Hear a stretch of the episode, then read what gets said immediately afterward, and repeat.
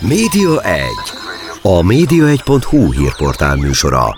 Mi történik a tévék, a rádiók, az online sajtó és nyomtatott lapok világában? Kiderül a Média 1 műsorából. A mikrofonnál Szalai Dániel.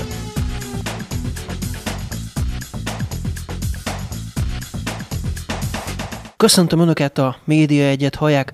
Ezúttal két vendégem is van. Az egyikük Kosák Roland, a Mind Diet program megalkotója. Egyébként pszichológus, tanácsadó, Üdvözlöm a hallgatókat! a másik vendégem pedig Hortobágyi Ágoston, digitális stratéga. Sziasztok! Szintén üdvözlöm a hallgatókat. Szervusztok. És Ágostonnak van egy másik pozíciója is, amit mondhatok, hogy Biztonságos Digitális Társadalomért Egyesületnél alapító. Így van, alapító elnök. Amiről beszélgetni fogunk, az az, hogy mi egy pár hete összefutottunk Rolandal egy konferencián, nagyon régóta ismerjük ugye egymást, és elkezdtünk beszélgetni arról, hogy hova tűntél a Facebookról, és aztán ez messzire vezetett ez a beszélgetés, és azt gondoltam, hogy ezt vigyük tovább egy podcast keretében. Mondd meg, Roland, hogy te hogy tudsz a Facebook nélkül élni?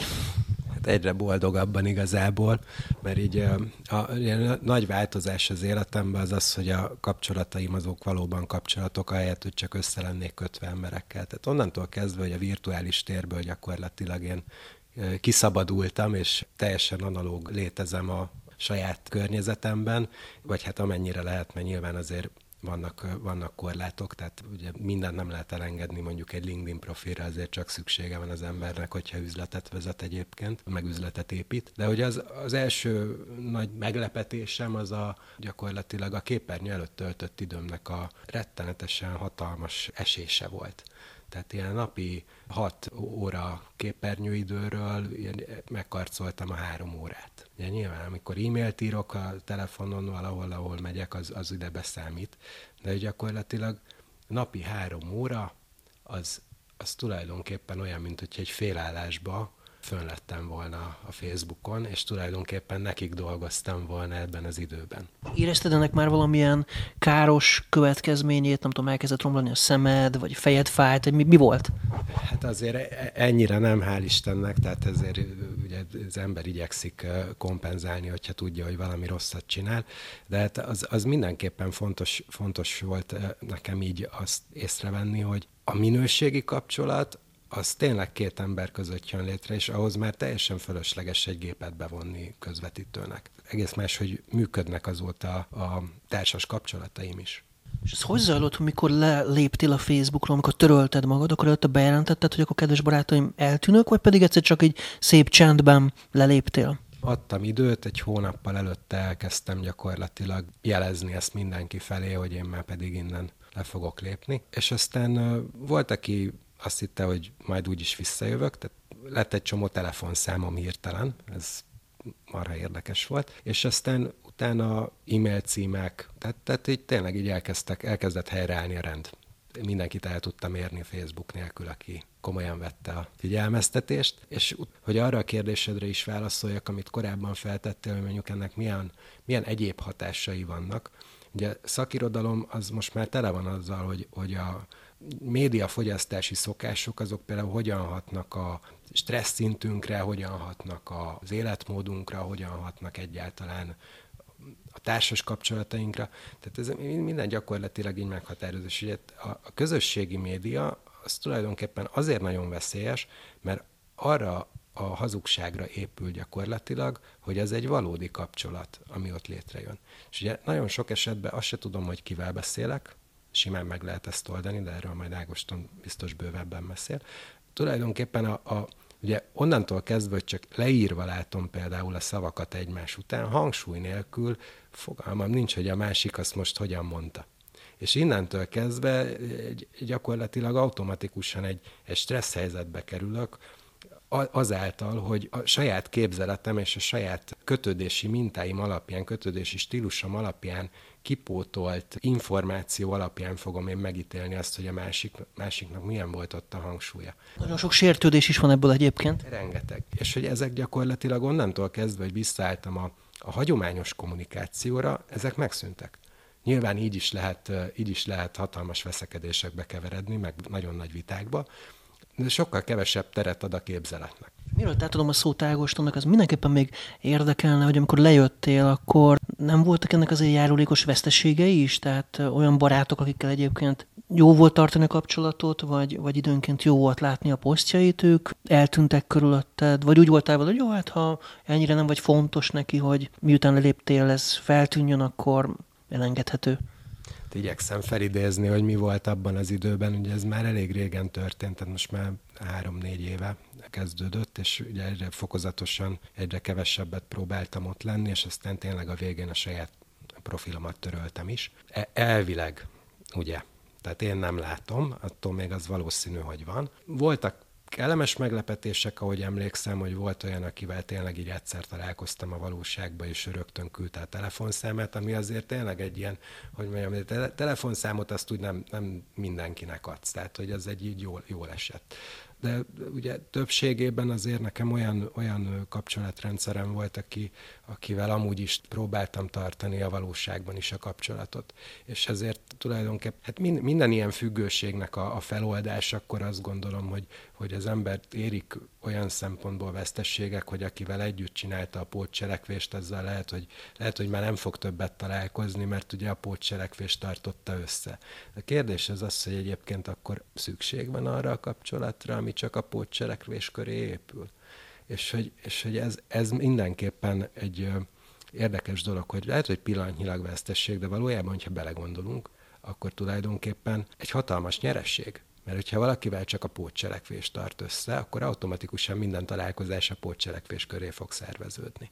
Ugyanakkor azért munkahelyeken megfigyelhető, hogy sok olyan barátság szövődik például, akik együtt járnak ki cigarettázni például, és aki meg nem jár, az kicsit kimarad ebből a körből. Te Ágoston egyébként gondolkodtál azon, hogy lelépj a Facebookról, vagy pont esetleg ilyen félelmek miatt te maradtál? Nagyon érdekes, hogy nekem is minden esetre átalakult a Facebook használatom. Azt gondolom, mint minden egy, egy tanulási folyamaton megy keresztül. Lássuk be, azért ne legyünk álszentek, nekünk is új, új, új dolog volt, mikor megjelent a Facebook, megjelent a közösségi média. Új dolog volt, és tetszett, mikor megjelentek az okostelefonok, ugye a, mondjuk úgy, hogy a nyomógombos telefonok után, és most már tudtunk mással is játszani, nem csak a kígyóval. Ez egy, ez egy tanulási folyamat, azt gondolom mindenkinél, mert tanulási folyamatnak normális körülmények között előbb-utóbb megjön a kiválasztódása is, tehát hogy mire jó és mire nem jó használni. Amikor megkaptuk a kezünkbe a közösségi médiát, ugye a kénytelen kelletlen mindenki az ételéről, a nyaralásáról, a gyerekéről, mindenkiről posztolt, hol vagyunk, mint vagyunk, és vártuk a lájkokat, hogy ki mit mond erről, és ki mit, jaj, de jó, szép helyen nyaraltok. Aztán megjött ugye ennek a digitális térnek az árnyoldal, amikor rájöttek arra az emberek, hogy nézd, ha kiposztoltam, hogy nyaralok Horvátországban, akkor nem vagyok otthon. Tehát ha nem vagyok otthon, akkor üres a ház. Ha üres a ház, be lehet törni, ugye? Már pedig nem olyan nehéz kideríteni egyébként ma a digitális lábnyomok alapján, ha én először otthonról posztolok egy sütögetésről. És például a telefonomon bekapcsolva hagy, vagy GPS-szel készítem a képet, akkor bárki letölti az én fényképemet, megállapítja, hogy hol vagyok, pedig csak a tűz látszik a képen, és hogyha küldöm a képemet Horvátországból, akkor nem vagyok otthon. És ugye ezek elkezdtek így fejlődni, aztán ugye fölnőtt az a ma ugye 20 éves generáció, akiknek a szülei gyerekkorban a strandon a mesztelen fényké- serekét fotózta, vagy hát így fogalmazom, és fölnőttek, és ciki volt számukra, hogy a szülők ezeket kiposztolták. És elkezdték megkérni a szülőket, hogy légy szíves, ne posztolj rólam. Tehát ez egy olyan tanulási folyamat, amit elkezdtünk megtanulni. És én is, ahova átalakult az én Facebook használatom, az az, hogy megszüntettem a családi fotókat, a gyerekek fotóját, a nyaralási fotókat, és mondjuk úgy, hogy igen, már csak a szakmámnak, vagy a, vagy a, a munkámmal kapcsolatos témákban posztolok, mert azt gondolom, hogy ebben se legyünk álszentek. Azért a közösségi médiát használó piaci szegmens, azért az nem olyan nagy baj, hogyha elérhető, és hogyha ezen keresztül akár, ahogy említetted is, van egy, egy LinkedIn-en, vagy egy Facebook olyan típusú profil, ahol az ember a szakmáját vagy a karrierjét építi, akkor nem olyan nagy baj, hogyha ez alapján megtalálják, mert például amiről most éppen beszélgetünk, és mondjuk ez egy hanganyag lesz, és mondjuk ez elmegy egy rádióba, akkor a rádiónak a report linkjét jó egyébként kirakni egy Facebookra, meg egy meg. És meg is tesszük, ugye, mert aki nem hallotta, visszahallgathassa, vagy építjük ezzel ugye a személyes brandünket. Hát én azt gondolom, hogy egy tanulási folyamatnak vagyunk most egy bizonyos szintjén, megtanultuk, hogy mire jó, mire nem jó, hol veszélyes, hol nem veszélyes, és ebből azt gondolom most azt kell leszűrjük az elmúlt tíz évből, hogy ezt tudjuk külön választani, nem kell fekete vagy fehér, a ló egyik vagy másik oldala, hanem egyszerűen tanuljunk a múltunkból, tanuljunk mindenből, szűrjük, leértékeljük, és használjuk arra, amire nekünk való, és ami épít, vagy ami pozitív ebből. Tehát, ha jól értem, akkor te maradtál a Facebookon, csak teljesen más, hogy használod, mint régen, tehát visszafogottabban, zárkózottabban, kevesebb szórakoztató tartalmat, kevesebb személyes dolgot osztasz meg magadról, a szakmára fókuszálsz. Ugyanakkor Roland, hogyha mondjuk olyan bejelentések vannak, vagy olyan információk, amik csak a Facebookon érhetőek el, azért vannak ilyenek, akár közéletben is mondjuk, amikor tudom, Covid volt, vagy más helyzetekben, hogy a, mondjuk a kormány a Facebookon tett közzé információkat például, vagy cégek ott tesznek csak közzé, akkor mikor ezeket látod, nem tudom, a hírekben néha, hogy itt-ott átveszik, de nincs benned ilyen érzés, hogy hát akkor most lemaradtam valamiről? Nincs ez a fear of missing, ez a kimaradás érzés?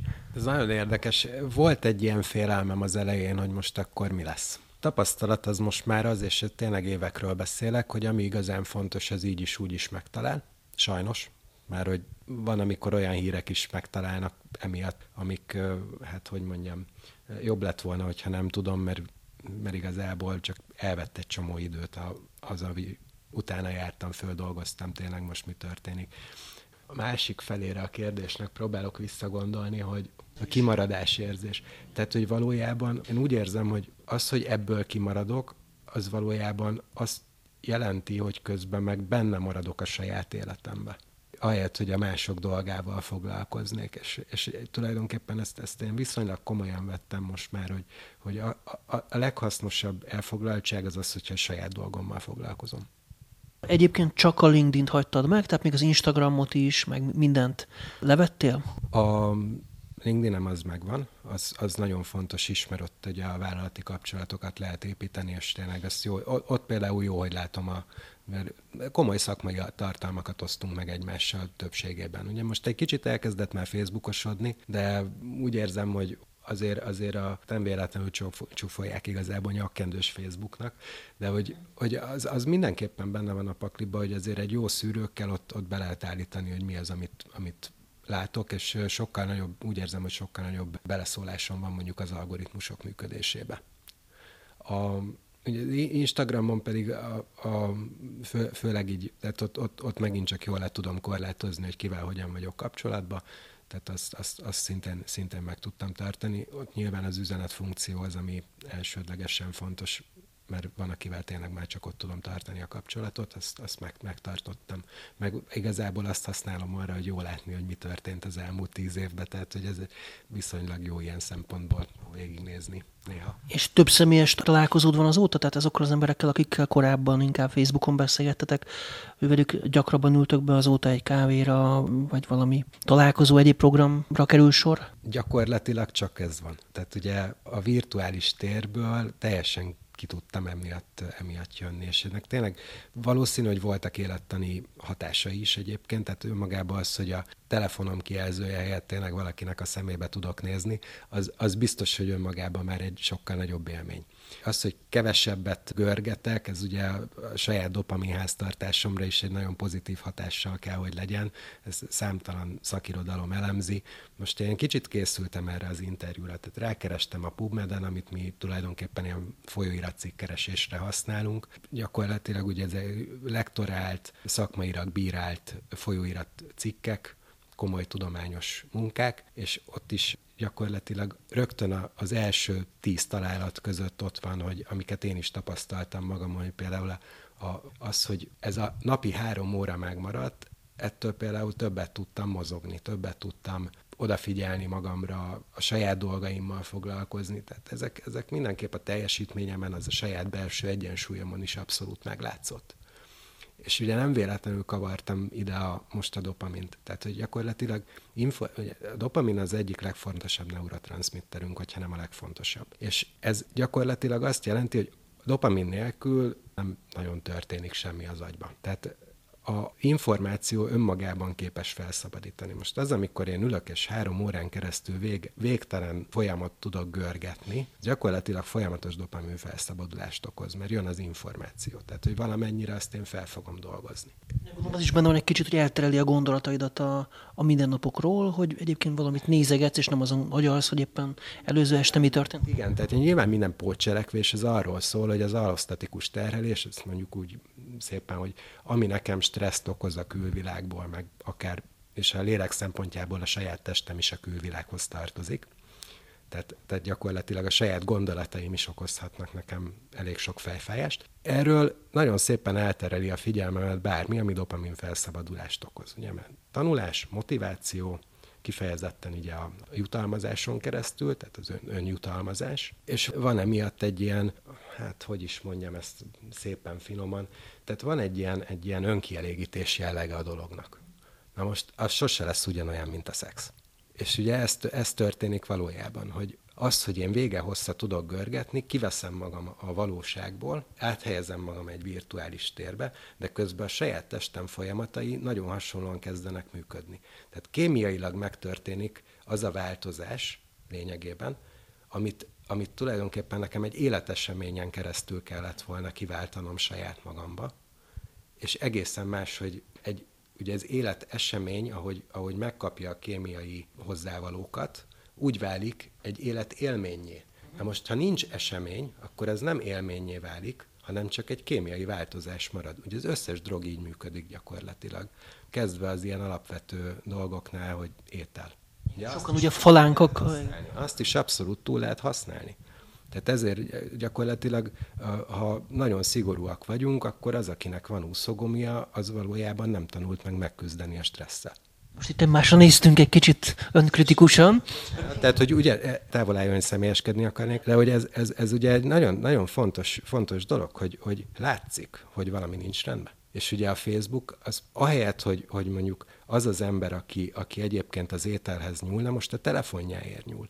De sokkal kevésbé látszik, hogy probléma van. Ez mindenképp egy, ugye afelé, afelé tolja a világot, hogy ahelyett, hogy rájönne ő magára, tehát én is voltam plusz 10 kilóval több. Ezt meg is tudom mutatni, tehát ez, ez, ez övemen látszik. Ugye négy lukkal arrébb kellett kapcsolnom. De abból én rájöttem, hogy valami nem oké. És elkezdtem rajta gondolkodni, hogy akkor mit kéne változtatnom. Most ez, aki folyamatosan a Facebookon lóg, az nem kap ilyen visszajelzést az élettől lényegében.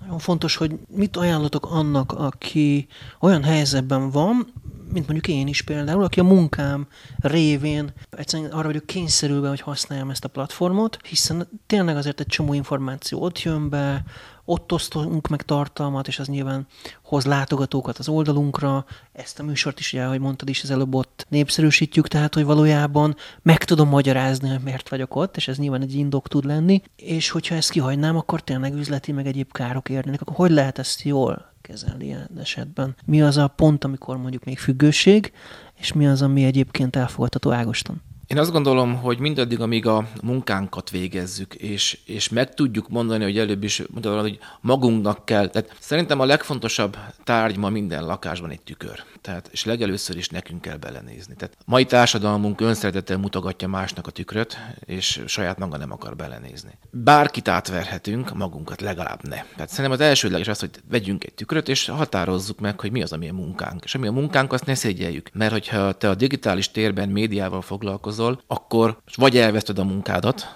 vagy ezt fogod csinálni, ugye? Tehát akkor most azt mondjuk úgy, hogy nyilván a szántóföldön kapálás 10 órán keresztül sem egészséges mert sem a derekadnak, sem a kezednek. Itt most az agyadnak, meg a lelkednek nem egészséges, hogy a digitális térben dolgozol, de ez a munkánk része, ezzel keressük a pénzünket, eltartjuk a gyermekeinket, családunkat, jövőt építünk. Itt azt gondolom, hogy ezt kell tudni nagyon tudatosan saját magunk tükre előtt bevállalni, hogy meddig munka, és honnantól kezdve dopamin felszabadítás, ugye? Tehát Itt azt gondolom, hogy ez a határ, amikor, amikor napközben dolgozol, és most velünk dolgozol, aztán visszahaudod, és az anyagot megvágod, és föltöltöd, és kitöltöd, és, és boostolod, és mondhatunk csomó ilyen szót, akkor dolgozol.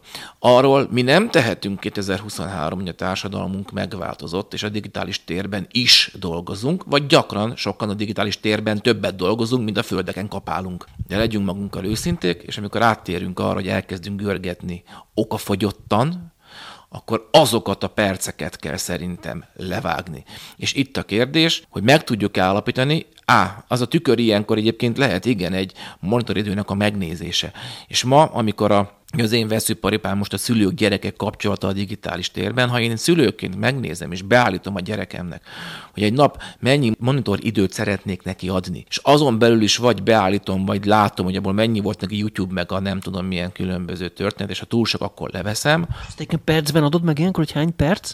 Nem, alapvetően megadom, hogy ő mondjuk egy nap egy órát, két órát használhatja az eszközét, és azon belül, hogyha még ő két órát YouTube-ozhat, de akkor nem marad a krétára tanulni. Tehát akkor nyilván szólni fog nekem, hogy apa, kéne még negyed óra, mert megnézném, mi a házi. Akkor tudom, hogy elfogyasztotta valami mással az idejét. A felnőttek saját magukkal szembe ezt nem teszik meg. Ahogy előbb Roland mondta, igen, meg kell nézni, hogy a hatból lefaragta háromra.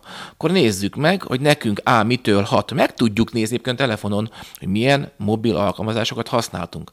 Ha te a munkádhoz használtat, toltad idézőjelben túl, akkor az a munkád. Ha olyanokat, ami egyébként valamilyen játék, vagy tényleg közösségi média, mivel nem dolgozol, akkor légy magaddal őszinte, először is más nem lesz, csak te, és, és akkor abból kell elkezdeni lefaragni. Azt gondolom, hogy ez a legnehezebb, és szerintem mindenben, ez akár egy életmódváltásban, mindenben a legnehezebb a kezdés, és a tükörbenézés, és a döntés. Nekünk most van egy tükrünk, én át csak úgy szoktam hívni, hogy digitális svájci bicska, ez a mobiltelefon. Ezeken ott van minden információ, Szedjük ki belőle, nézzük meg, nézzünk tükörben, és határozzuk meg, hogy innentől kezdve ennyi. Pontosabban, ami a munkám, az a munkám, de azt a bizonyos feleslegeset azt vagdossuk lefele. Na innen fogjuk folytatni rögtön a média egyet, a pici kis szünetünket követően Hortobágyi Ágoston digitális stratégával és Kasák Roland pszichológus tanácsadóval. Maradjanak velünk, és jövünk vissza. Média 1. A média1.hu hírportál műsora. Mi történik a tévék, a rádiók, az online sajtó és nyomtatott lapok világában? Kiderül a Média egy műsorából. A mikrofonnál Szalai Dániel.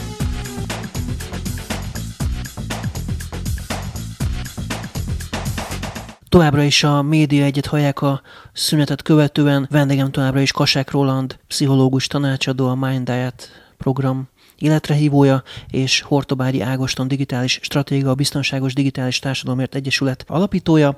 Sziasztok ismét, és ez előbb ugye ott hagytuk abba, hogy mi van akkor, hogy egyébként mondjuk a munkám miatt én rá kényszerülök arra, hogy használjam ezt a platformot, de hát egyébként ugye az ember jó esetben olyan munkát választ, amit egyébként szeret is csinálni, tehát itt válik ez igazán nehézé, hogy egyébként én szeretek a digitális térben lenni, hiszen ott azért mégiscsak emberek írnak nekem, jópofa dolgokat küldenek, hasznos információkkal látnak el. Van egy csomó olyan barátom, ami egyébként ebből lett az egy offline találkozás, offline ismerettség. Egy csomó mindent köszönhetek ennek, tehát az mégiscsak nehéz abba hagyni, hiszen ott van nekem mondjuk, hú, nem is tudom, 2000 valahány ismerősöm csak a Facebookon például. Ja, alapvetően ez nagyon fontos, itt a, ugye a munkám része. Akkor beszélnünk kell arról, hogyha a munkám része, akkor én hogyan teremtek egyensúlyt a munkám és a magánéletem között. Ugye közösségi média az azért nagyon veszélyes, mert ezt a kettőt teljesen összemossa. Ez gyakorlatilag, hogyha ugye munkám miatt fölmegyek, akkor az algoritmus nekem ugyanolyan dolgokat fog nekem mutogatni folyamatosan, amivel minél tovább ott tart, hogy minél több reklámot tudjon nekem megmutatni közben, mert abból él.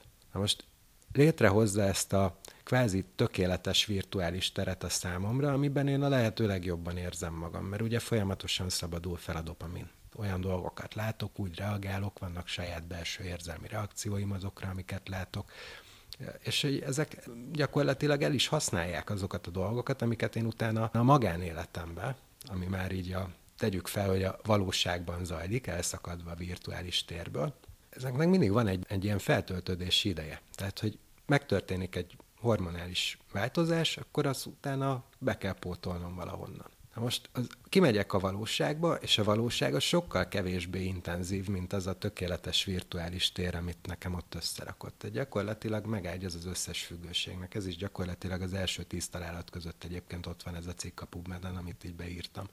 Ugye arra kerestem rá, hogy social media effects. És akkor az első tízbe ott van ez is, hogy hogyan ágyaz meg a közösségi média használata más egyéb függőségeknek. Mert utána kimegyek a valóságba, és az nekem kevés lesz. Túl lassú, túl unalmas? Túl, túl unalmas, túl bármilyen. Tudom. Szürke például? Hát vagy akár, akár azt is lehet mondani, hogy találkozom mondjuk a rengeteg képen látott étel helyett mondjuk találkozom egy olyan étellel, amit nem úgy fotóztak. Vagy akár ez a társas kapcsolataimra is kiadhat, hogy eltorzítja a testképemet, mert azt látom, hogy egyébként a fotón így néznek ki a nők, kimegyek az utcára, akkor meg nem úgy néznek ki a nők. És akkor egész egyszerűen beindulnak ezek a folyamatok, hogy hát akkor valamit azért mégiscsak kéne. És akkor ez szépen megegyez az összes többi függőségnek, amiket utána a virtuálisból átmentek a valóságba. Gyakorlatilag az összes többi, ami bármi, ami a dopaminra hat, dopamin felszabadulásra hat, az szépen be fog ettől indulni. Tehát gyakorlatilag úgy is lehetne mondani, hogy a közösségi média túlhasználat az kapudrog az összes többihez. Hát nem hangzik túl jól. Ágoston, te amikor, a, amikor a, hogy ez a Egyesület képzéseket tart, digitális képzéseket, mit mondtak a szülőknek, hogy ez a helyes irány, akkor hogy adják meg, hogy mennyi időt kell ott eltölteni, vagy mennyit lehet eltölteni a, a gép előtt, mert azért ez egy kicsit egyfajta ilyen szabadságjognak is azért az elvétele, tehát egy kicsit egy ilyen negatív érzés is van ebben, hogy hát a korlátoznak, akkor még inkább akarom, tehát akkor még inkább szeretném csinálni. Míg fordítva, hogy egyébként kötelező mondjuk egy irodalmat elolvasni, ugye iskolában kötelező irodalom, akkor meg nem olvassák el annyira a kedves diákok, hogy elkezdenek ügyeskedni és ilyen rövidített könyveket elolvasni. Tehát, hogy nem vezette esetleg ez oda, hogy mivel ez a tiltott gyümölcs, vagy ez a korlátozott gyümölcs, ezért akkor még többet szeretne, és még jobban rááll erre a függőségre. Ebben az egy kérdésben föltettél három-négy fontosat, ami mindegyik a veszőparipám egyébként egyesével is. A legelsőt most ki fogom emelni, egyébként nem ebben kezdted, ez a mihez van jogom, mint szülőnek, ugye? Tehát, hogy korlátozom-e a gyereket, és akkor nem veszem el a jogait. Én ma ettől megmondom őszintén, frászkapok és bukósak nélkül megyek a falnak. Ugyanis elkezdtük azt mondogatni, például ha már a Facebookról beszélünk, ugye mindannyian jól tudjuk, becsukott szem, hogy hány éves kortól lehet regisztrálni a Facebookra. Hát mindenki vakon mondja, hogy 13, nagyon jó. És akkor visszakérdezem múltkor egy a pont a pedagógusoktól, hogy tudják-e, hogy kiadta meg ezt a 13 éves korhatárt. És akkor mindenki pislog, nem elmondom, úgy hívják, hogy Mark Zuckerberg. Nem tudják hogy a gyerekeinkre való tekintettel adta -e ezt meg, hogy ez tényleg jó a lelküknek, a szellemüknek, a fejlődésüknek, hogy mi alapja ez a 13 éves kor, ami egyébként egy görgetéssel tőlőhető, és hát 9 éves gyerek is simán beregisztrál. Nem elmondom, egyszerűen a gyermekeink lennek a fogyasztói társadalomnak el kell őket érni, hogy nyakkassák a szülőket vásárlásra. Na most innentől kezdve még csúnyában fogok fogalmazni, de azért óvatosan, elvesztettük a józan paraszti eszünket. Mi szülők. És ez abból fakad, hogy a fizikai teret, ahogy Roland is mondja azt, egyébként ezt jól ismerjük, több ezer éves szabályrendszerek alapján élünk a fizikai térbe. Vagy ha tudom, hogy a 14 éves lányomat szombaton éjjel kettőkor miért nem engedem, engedem le egyedül diszkóba, azért, mert sorolni tudnám órák hosszasan keresztül a ráleselkedő veszélyeket. Hogy miért engedem be a digitális térbe 13 évesen? Mert szülőként halványla dunstom sincs a digitális térről és a benne lévő veszélyekről. Viszont tényleg a kérdésedhez mihez van joga a gyereknek? Csúnyán fog fogalmazni.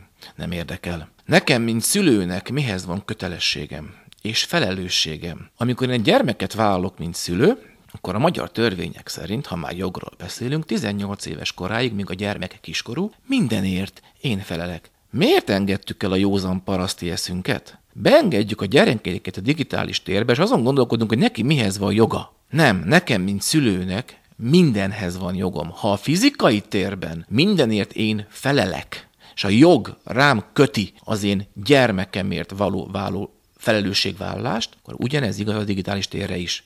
Pontosabban kellene lennie. Miért nem az? Mert A. A szülők nem ismerik a digitális teret, B. A digitális térnek külön nincsenek törvénye meg jogszabályai. Egyszerűen ma úgy néz ki a világunk, hogy van egy fizikai meg egy digitális tér. A fizikai térnek vannak törvényei jogszabályai. Lássuk be, az európai és magyar jog és a római jogra épül, azt nem ma kezdték el megírni. A digitális térnek semmilyen törvényi szabályzása nincsen, viszont ha a digitális térben valaki valamilyen vétket vét, ami miatt mondjuk büntetni kéne, van két alapvető probléma. A. Nem tudom, hogy kivétette, mert nincs digitális személyazonosságunk. B. Nem találjuk meg a fizikai térnek a törvényeiben azt a fogalmat, hogy bekövetés meg lájkolás, meg hashtag. Tehát olyan fogalmakkal kezdtünk el küzdeni a digitális térben, amit a fizikai tér jogszabályival nem tudunk lekezelni. Ebből fakadóan most van egy ilyen evolúciós átmeneti időszak, teljesen elbénultunk. Úgy szoktam fogalmazni, hogy megyek egy másik mobileszköz, egy, egy vazével, egy vézzel mondjuk egy ö, városi forgalmon keresztül, előttem áll a sor, dugó van. A telefon meg azt mondja, hogy nincs dugó. És mit mondunk? Itt nem lehetne dugó. Hát a telefon nem ezt mutatja. Ehűtünk. Áll előttünk az autósor, és nem hisszük el, mert a telefon nem ezt mutatja. Úgyhogy az én üzenetem az, hogy ma a szülőknek van kötelessége és joga mindenhez 18 éves kor alatt, és a szülői hiányosság az, hogy nem tudják a gyermekeiket nevelni, kezelni, mert nem értenek a digitális teret. Úgyhogy én máshonnan közöltem meg ezért a választ. Mindenhez van joga és kötelessége a szülőnek amíg ő szülő, és a gyermek meg kiskorú. Most például kötelessége a szülőknek tanulni, ma már azt gondolom, és a törvényalkotóknak meg el kéne gondolkozni azon, hogy hogyan lehet lemodellezni a digitális térben lévő folyamatokat, és külön jogszabályokat hozni rá, mert jelenleg a fizikai tér törvényei és szabályai alkalmatlanok a digitális térkezelésére. És hát még ott van az is, hogy a Facebook algoritmus mindenféle manipulációra alkalmas lehet, tehát hogy mondjuk mit mutat meg nekem, az jelentős mértékben üzleti érdekeken múlik. Ágoston. Az, hogy mit mutat meg neked 18 éves kor fölött, az igaz. De most a problémát az generálja, hogy a gyerekeknek mit mutat meg. Pedig a vicc az, hogy a gyerekeknek mit mutat meg mondjuk ma egy közösségi média, egy ilyen digitális svájci bicska, az egyébként beállítható. A szülők 90%-a nem tudja, hogy a telefonnak a gyári rendszerében vannak olyan eszközrendszerek, olyan családfigyelő programok, hogy be tudom állítani pontosan a gyerekemnél például azt, hogy hány éves kornak megfelelő szövegeket, tartalmakat és mit nézhetnek. Azaz, ha ma egy gyereket szerintem egyébként egy mobileszközön keresztül kéretlen reklám vagy nem neki volt tartalom éri el, az csak szülői felelősség. Roland, te mit gondolsz arról, hogy a, mi a TikTokon nemrég életbe lépett, hogy, vagy most vezetnek be, hogy gyakorlatilag van egy időkorlát a, a programban a gyerekek számára, de ki tudják kapcsolni egyébként ezt az időkorlátot? Van ennek így értelme? Hát uh, igazából sok nincsen. Tehát ez a, szerintem ez, ez egészen odáig el kéne vinni, hogy a, a gyerek az nem csak vállalás, hanem nevelés kérdése is. Tehát, hogyha felelősséget vállaltam valamiért, akkor azt utána nekem kell gondozni, nekem kell, nekem kell megtanítani élni egyáltalán. Most nyilván egy olyan társadalomban, hogy gyakorlatilag a felnőttek is inkább csak a, a tortáikon gyűjtögetik a gyertyákat, ahelyett, hogy tényleg így felelő, tudnák, hogy mi az a felelősség. Tehát, hogy jó lenne, hogyha nem csak, hogy mondjam, a, egyre korosabbak, hanem egyre felelőttebbek is lennének. Na most nyilván ezért hoz magával rengeteg olyan jellemzőt, ami például ott is lecsapódik, hogy valójában a, a gyermekekben nincs kialakítva az a fajta kritikus gondolkodás, ami alapján ő például el tudná dönteni. Tehát ez nevelés kérdése lenne, hogy egyrészt, ugye, hogyha azt az én szülőm beállította, akkor ezt úgy hagyom, mert ő valószínű, hogy jobban tudja, hogy nekem mi a jó, mert ő neki már van mondjuk 20 évvel több tapasztalata. A, a másik fele, ami szerintem itt itt rettenetesen fontos, hogy tényleg, amit Ágoston is mondott, hogy a szülő sem tudja, hogy ezt hogy kéne csinálni. Lehet, hogy a szándéka megvan, tehát valóban mondjuk a házi buliból haza kell, hogy jöjjön este nyolcig. De mit, mit csinál utána a telefonján? Tehát, hogy ezek, ezek írtó fontosak, és hogyha, hogyha visszavezetjük az egész kérdést oda, hogy ez most lehet, hogy a veszőparipámnak tűnik, hogy a dopamin felszabadulás, és hogy hogyan okoz ez függőséget. Akkor tulajdonképpen, ha szigorúan vesszük, akkor 18 éves korig alkoholt se szabad inni, ugye? De mégiscsak megtörténik. Meg, meg persze, de ugye ez, az, az egy másik kérdés. De eleve ott van, hogy tudjuk róla, hogy ez rossz. Az életmód kapcsán ezt nagyon jól látom, hogy onnan az ételre ugye nem úgy gondolunk, mint ami rossz lehet nekünk többnyire. És nagyon jól látszik, hogy, hogy hogy használják túl az ételt. Tehát onnantól kezdve, hogy ott is elkezdi gyűjteni a fölös kalóriákat, onnantól kezdve, hogy ezt arra használja, hogy a stresszét levezesse, onnantól kezdve, hogy ezt arra használja, hogy valamiről elterelje a figyelmét, ugyanezt történik gyakorlatilag a, a, a fölös képernyő idővel. Tehát a képernyő idő felesleg, az tulajdonképpen ugyanúgy le fog rakódni, mint a fölös kalóriák. Csak egészen máshogy. És ugyanúgy, ahogy a, ahogy a gyerekeknél gyakorlatilag, ha jól emlékszem, akkor van egy ilyen kitétel, hogyha túlhízlalja a gyerekét, akkor az kiskorú veszélyeztetése. Tehát, tehát hogy ezt mindenképpen érdemes, hogy akkor, akkor képernyőidővel hogyan hízlalom túl, mi, mi, mi, milyen károkat okozok neki, hogyha hagyom. Tehát ez ugyanúgy felelősség kérdése. De azért álszentek se legyünk, tehát hogy legalábbis én most próbálnám ezt helyre tenni, hogy itt abszolút arról van szó, hogy ha valaki, valaki fel akar menni a hegyre remetének, akkor azt csinálja nyugodtan, tehát az is teljesen rendben van. De valójában, a, amiről, amiről beszélek, hogy itt ez a valóságunk, ennek a része a virtuális valóság is, és a kettőnek az egyensúlyát ugyanolyan fontos megtalálnunk, mint a saját életünkben a pótcselekvések és, a, és az eredményre vezető cselekvéseknek az egyensúlyát. Azt kéne elérnünk, hogy oké, okay, most megittam két pohár bort, vagy, vagy mit, kettővel többet akár, de akkor hogyan kompenzáltam? Most tudom azt, hogy tettem az egészségem ellen. Akkor ezt hogyan kompenzálom, hogyan, hogyan teszek utána az egészségemért, hogy ezt a deficitet is ledolgozzam, és egyébként még legyen egy kis tartalékom is a következő időszakra, amikor esetleg újra becsúszik egy, egy komolyabb házi buli vagy egy születésnap. Tehát, hogy ezt, ezt valahogy időben rendszerezve érdemes szerintem vizsgálni. És hogy egy rövid, közép és hosszú távú egyensúlyt tartani. És akkor sokkal több minden belefér, hogyha én föl vagyok egyébként készülve. Egy egészséghelyreállítás, egészségfejlesztés kapcsán ezt nagyon gyakran látjuk, hogy, hogyha rendszerbe van foglalva, akár még az is, hogy most tudom, hogy lesz egy születésnap, akkor egész más, hogy jelez vissza a szervezet. És hogy ezek ugyanilyen fontosak lennének a, a virtuális térben is, hogy találjuk már ki, hogy hogyan kapok én onnan ténylegesen visszajelzést arról, hogy mit művelek magammal. Az ételnél könnyű, ugye egyre, egyre nagyobb az úszógumi. Tehát az egy jó jel, egyébként a környezetem számára is lehet egy jó jel, hogyha valaki hirtelen hízik 10 kilót, akkor azért meg kéne kérdezni, hogy mi van vele ahogy előbb beszéltük, ugye ezek a, ugye a fizikai meg a digitális tér közötti különbségek, hogy történelmileg a fizikai teret, amiben élünk, ismerjük, hogyha azt mondom, hogy egészségtudat, nyilván azt, azt nem 20 éve, meg nem 10 éve kezdte el az emberiség, hanem nagyon sok generáció tudása gyűlt ma össze ahhoz, hogy ezeket tudjuk kezelni. Pont a digitalizációnak ez a nehézség, hogy ebben nincs több generációs tapasztalat. Ugyanakkor azt is felszoktam vetni, hogy én azt merem állítani, hogy az emberiség nagyon-nagyon-nagyon nagy része avval sincs tisztában, hogy a digitalizáció mint szó mit jelent, vagy éppen az emberiségnek mióta van rá igénye. Én ezt egyébként megpróbáltam munkor megfogalmazni, mert, mert megnéztem a Wikipédián, és szerintem még azt sem értette, aki leírta vagy lefordította, és gondoltam, hogy az ember az úgy működik, hogy amit nem értek, attól félek.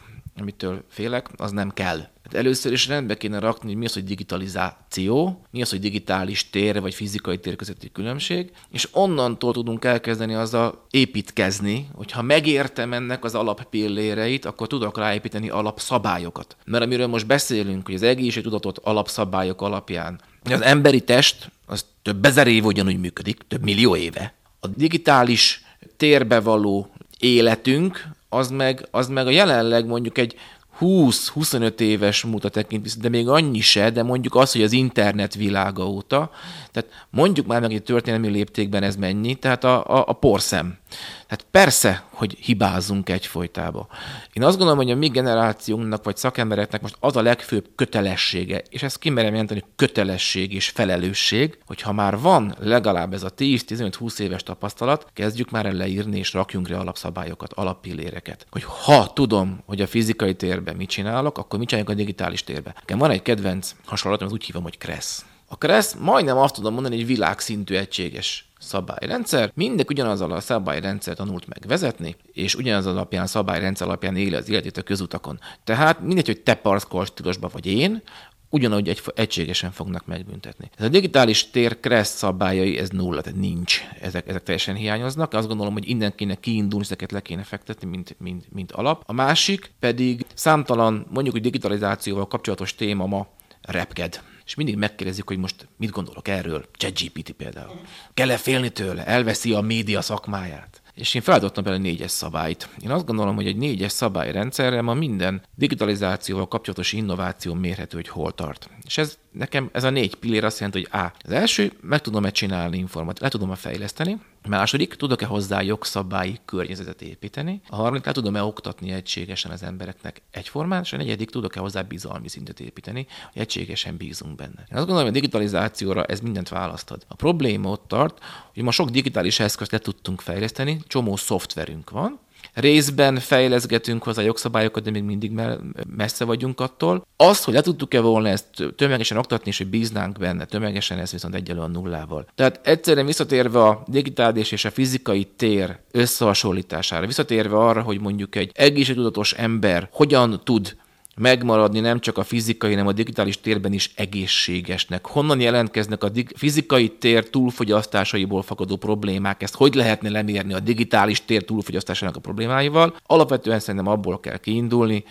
a digitális teret pontosan meg kéne tudjuk határozni, a digitalizációt meg kéne határozzuk, és igenis nekünk szakembereknek el kéne kezdeni lefektetni egységes alaptörvényeket és szabályokat, amihez alakulunk, hogy ilyen hülyeségek ne repkedjenek a éterbe, hogy a gyereknek 13 éves korra határa a Facebookhoz, meg egyébként megkérdezik az emberek, hogy mihez van joga a gyereknek, meg mihez nincs joga, meg egy teljesen. Szerintem ma egy nagyon-nagyon zsákutcába vagyunk. Én ezt kimerem állítani, zsákutcába vagyunk a digitalizációval kapcsolatban, és ez pedig az ismeretlenségéből fakad. Azt gondoljuk, hogy azért, mert tudunk egyébként Facebookozni, ha már ezzel kezdtük, meg e-mailezni, meg teamselni, meg egy csomó dolgot tudunk, mint, mint ha szöget kalapácsot használnánk egyébként, ez elegendő ahhoz, hogy, hogy ne hízzunk túl a digitális térbe. De ma mindenki túl van hízva. Ha most le kéne képezzük szerintem a digitális eszközök és a térben való használatot arra, a fizikai térre és mondjuk az egészséges életmódra, szerintem ma mindenki 200 kilós emberként vonszolja magát a világban, a digitális térben. Azon gondolkodtam, hogy, hogy engem annak ide hogy neveltek, és nálunk az volt a családi elv, hogy a gyerekek kicsik, de nem hülyék, vagy valami ilyesmi, tehát hogy nem süketek, nem vakok, és hogy kicsit nézzünk rájuk felnőttként, és hogy tehát nálunk nem voltak ilyen limitek, én úgy emlékszem, hogy hány perc, meg mit lehet, hogy lehet, hanem ránk bíztek, és aztán persze belefutottam mondjuk durva képekbe, egészen durvákba is, de én azt gondolom, hogy ezért egy egészséges, értelmes ember lettem, legalábbis remélem, hogy ez így, így van. És hogy, és hogy bennem az alakult ki, hogy van egy fajta ilyen, egy ilyen szabadságvágy, hogy nekem mondjuk nem mondja meg a, a jogszabály, vagy nem mondja meg a, nem tudom, az állam, hogy hogy hány percet ne teszhetek, vagy például nagyon zavar ez, a, amit az EU vezetett be egy pár évvel ezelőtt, ezek a felugró ablakok, hogy tájékoztatnak az adatvédelmi jogaimról, sokkal több bosszúságot okoz számomra, mindig le kell okézni, el kell fogadni, hogy egyébként hozzájárulok ahhoz, hogy az adataimat anonim módon gyűjtessék. Na erről mit gondoltok ti, hogy akkor az, a mi nevelési módszerünk, mert hogy bennünket neveltek, az volt hibás, vagy ma már ez, ez nem jó gondolat? Mit gondoltok? Nem hibás volt. Azt szoktam mondani, hogy van egy kedvenc, van úgy hívjuk, hogy evolúció. És az evolúció az előre megy és nem hátra, és mindig minden fejlődik. Azt gondolom, hogy amikor te gyerkőc voltál, az is egy más digitális tér volt, és a mai is egy más digitális tér, amit a mi gyerekeink élnek, mondjuk az enyém éppen 11 évesen, vagy 14 évesen. Lássuk be tök őszintén, mi is, mikor gyerekek voltunk, és elmentünk az újságos bódé mellett, ott is láttunk cicis újságokat, és, és onnan is tájékozottunk először ugye az optikáról. Ma már szerintem szoktam hogy sokkal nagyobb. Nem az a baj, hogy a gyerek mit fogyaszt, hanem arra kell rájönni, hogy gyerekek tartalmat gyártanak. Fölteszik a világhálóra, és azt nem tudják például, hogy a digitális lábnyom az milyen veszélyes, hogy internet nem felejt. És az a videó, amit most kirak 16 évesen, ami most még szexi, vagy vicces, az majd egy, például egy párválasztásnál, vagy egy munkaválasztásnál milyen problémákkal fog járni. Tehát nem a tiltása lényeg ma, hanem az oktatás. Tehát még egyszer, ha értjük, hogy a digitális térben milyen veszélyek lehetnek, akkor jól mondod, nem le kell a gyereket tiltani, hanem föl kell rá hívni a figyelmét, hogy mivel fog találkozni, mivel találkozhat, amíg tudom, kezelem, de miután elengedem a kezét, mert csak el fog menni diszkóba 19 évesen, előbb-utóbb, akkor már addigra olyan nevelést kell kapjon, hogy bízok benne, hogy emlékezni fog az oktatásomra. Ugyanezt kell csinálni a digitális térben. Tehát nem, nem a tiltás, hanem az oktatás az egyik történet. A másik gondolatom meg, hogy most kell-e törvényekkel vagy jogszabályokkal valamiket szabályozni. Én még mindig azt gondolom, hogy a nulla meg a semmi között még mindig van egyébként lehetőségünk törvényekkel szabályozni, ezért a fizikai teret túlszabályoztuk. Vajon mondd meg, hogy személyigazolvány felmutatása nélkül miért nem engednek be a fizikai térben egy kiskorú gyermeket diszkóba? Tudják, hogy veszélyleselkedik rá. Tehát, ha azt le tudtuk kezelni törvényel, akkor a fizikai térben miért nem ágálnak a gyerekek, hogy nem mehetnek be egy diszkóba 14 évesen? Mert, mert megértették. Tehát, tehát értsük meg, hogy ne legyünk hülyék. Ugyan ezt most, ha át akarunk költözni vagy párhuzamokat akarunk vonni a digitális meg a fizikai tér között, azért az, hogy az egyiket jól ismerjük és leszabályozzuk, és ott a gyerek nem ágál ellene, itt meg igen, akkor azt gondolom, hogy nézzük meg, hogy itt azért még van mit tenni. Tehát oktatás, oktatás, oktatás. Roland? Ha ebből indulok ki, akkor az ügyfeleim többsége az valójában a saját testének a működésével, a saját lelkének a működésével sincs tisztában. Pedig abban azért jóval több tapasztalatunk van. Most ez, egy, ez a közösségi média, a média használat, ez eleve egy, egy új, mondhatjuk azt, hogy ehhez képest egy, egy nagyon új dolog. Tehát, hogyha elképzelnénk ezt egy órán, akkor körülbelül ugye az egész óra számlapja az lenne az az, hogy hogyan működik a testünk, és akkor egy másodperc a, a közösségi média, vagy még kevesebb annak a töredéke. Az mindenképpen fontos, hogy a technológia az tulajdonképpen ugye egy nagyon, nagyon innovációintenzív terület. Most, ha valaki abból él, hogy engem oda kössön a képernyő elé tulajdonképpen, akkor ez mindent meg fog tenni ahhoz, azért, hogy én minél több időt töltsek ott. Tehát ez tudatosság kéne, hogy... Függőségépítés. Így van, tehát gyakorlatilag neki az az érdeke, hogy, hogy engem függőségben tartson. Ugyanúgy, ahogy ez az édesiparnak is ugye az a jó, hogyha én minél többet teszem az ő termékeiből. Tehát ugyanúgy ők is összerakják a tökéletes íz, hatást, tökéletes koktél tulajdonképpen, amivel minél több és nagyobb élményt kapok én attól az egyszelet. Ugye meg kell különböztetni, hogy ez egy mesterséges állapotot kapok tulajdonképpen attól a, attól a terméktől. Ugyanígy itt is itt van. Tehát, hogy, hogy ugyanúgy, ahogy, a, ahogy az élelmiszeripar is le van szabályozva, hogy azért így határon belül tudja ezt csak csinálni velem, mert tudjuk, hogy nagyon sok minden függőséget okoz, amit egyébként így le tudok venni hatalmas mennyiségbe bármelyik élelmiszerboltnak a polcáról. Tehát valami, valami szabályozás azért mégiscsak van. Itt a, itt a közösségi médiával szerintem ez a probléma, hogy valójában semmi látható jelen nincs annak, hogy elvesztettem az egyensúlyomat, semmi látható jelen nincs annak kívülről, nem is lehet látni, hogy mások se tudják rajtam észrevenni, hogy, hogy probléma van. És ugye a szabályozás az pedig, mire eljutunk odáig, tehát hogyha végig gondoljuk, hogy a munkatörvénykönyvében mikor került bele a mentális kockázatok elhárításának a tehát jól emlékszem 2006, vagy talán még később. Ha ebből indulunk ki, akkor mire itt a jog leköveti majd, amit most még csak etikailag érzékelünk, hogy valami már problémás, és ugye a tudomány azt hiába bizonyítja, hogy ez, ez egy probléma, hogy ez ki lehet védeni azzal, hogy de hát mindenki saját magáért felelős. Ezek, ezek írtó fontos dolgok, és ugye beszéljünk egy kicsit a megoldásról is, tehát hogy mindenképpen az a fontos, hogy a saját magamat ismerjem meg, és a saját egyensúlyomat próbáljam meg helyreállítani, hogy részt tudjak venni a való életben. Hát uraim, nagyon szépen köszönöm a beszélgetést, az időnk a sajnos elfogyott. Ez volt már a, a Média 1, egy hét múlva jelentkezünk ismét, visszaadható az adás a média1.hu-ról, Spotify-ról, iTunes-ról és 15 rádió is megismétli ezt a beszélgetésünket. Köszönöm tehát Hortobágyi Ágostonnak és Kasek Rolandnak a közleműködéseteket. Mi is köszönjük. Mi is köszönjük.